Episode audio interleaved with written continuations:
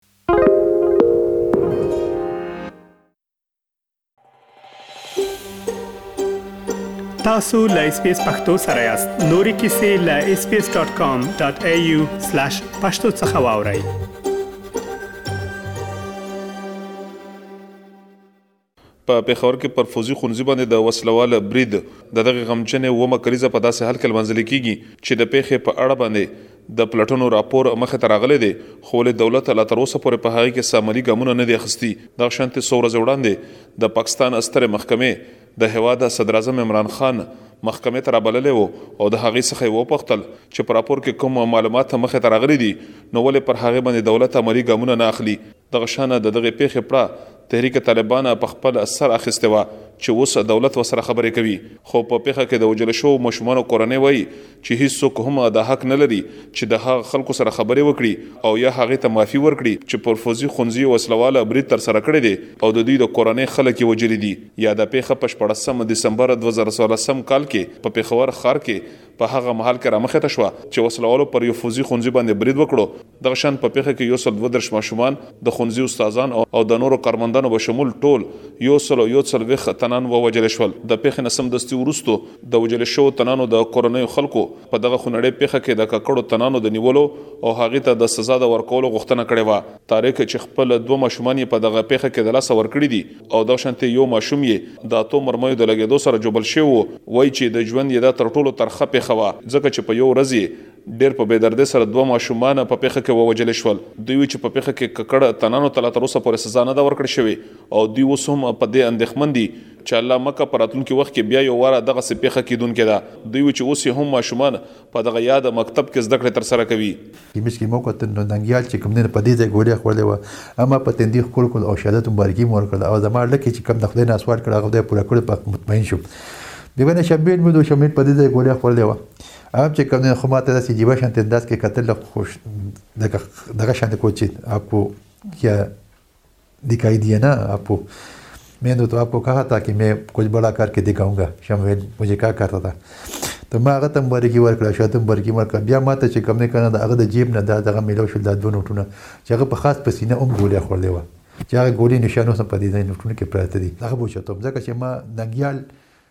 نوم چی ښودلی دی کنه نو خپل بچی له په دی ښه. زما خو نور بچی هم دی سکول ته ځی کنه د هغوی د مستقبل به ما سره غم نی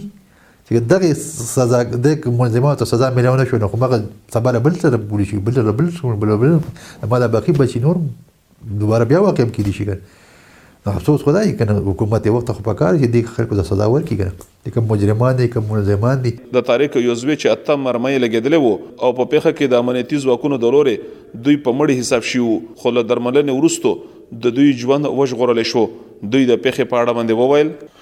مجھے آٹھ بلش لگی لیکن الله کا شکر هی که مې زنده بچ ګیا. لیکن میرے جو اته مرمۍ ولګیدم خو د الله په فضل سره ژوندې پاتې یم ما سره چې کوم دوه نور رونه ووجل شول د هغه یادونه ما ډیر زوروي د هغه سره به می جنگونه کول لوبې به مو یوځې کولې د زده کړو په اړه به د یو بل سره خبرې کولې زما پر مخ باندې د مرمیو چې کومې نخې دي نو هغه چې زه په هنداره کې ګورم نو ورسره زما حوصله جګ شي زه احساس کوم چې ما د ترهګرو پر ضد باندې کلکه مبارزه کړې ده او د زده کړو دلارې به د دوی مقابله کوم هار نهي ماني اور انشاءالله مين ايجوکيشن کي ذريعه هي انهي شکست دونګا. په فوځي ښونځي باندې د وسلواله برید په ترڅ کې د لسم ټولګي اسفندیار هم وژل شوی وو. د دوی مور شبانه د ایس بي ایس راډیو سره په ځانګړو خبرو کې وویل چې د پېښې په اړه د پلټنو کمیسیون کوم راپور وړاندې کړی دی نو په هغه کې یو شمېر نمګړتیاوې دي او د وژل شوو ماشومانو کورنیو پر هغې نیوکې کړې دي. دوی وویل چې په راپور کې په ښکاره ډول باندې څوک ذمه وار نه دي ګرځول شوي چې له چا د بې غورۍ له امله دغه پېښه رامخته شوې ده.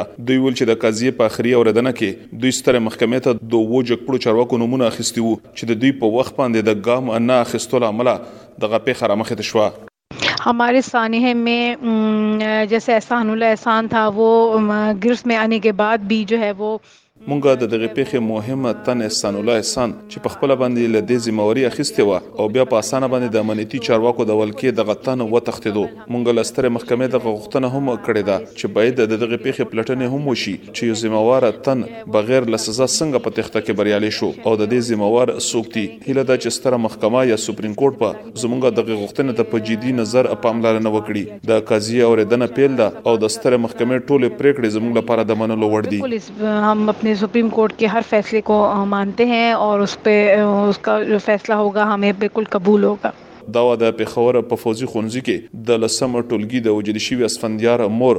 شهانه. په دوه زره څوارلس کال کې پر فوځي ښونځي باندې د وسله واله برید نه وروسته د هېواد سیاسي او فوځي مشرانو په هېواد کې د ترهګرۍ له منځه د وړلو لپاره قامي کڼلاره یا نېشنل اېکشن پلان جوړ کړو چې تر مخه یې د هېواد په ځنو برخو کې لوی فوځي عملیات وشول دغه شانتې د پاکستان پر ټولو لوی ښار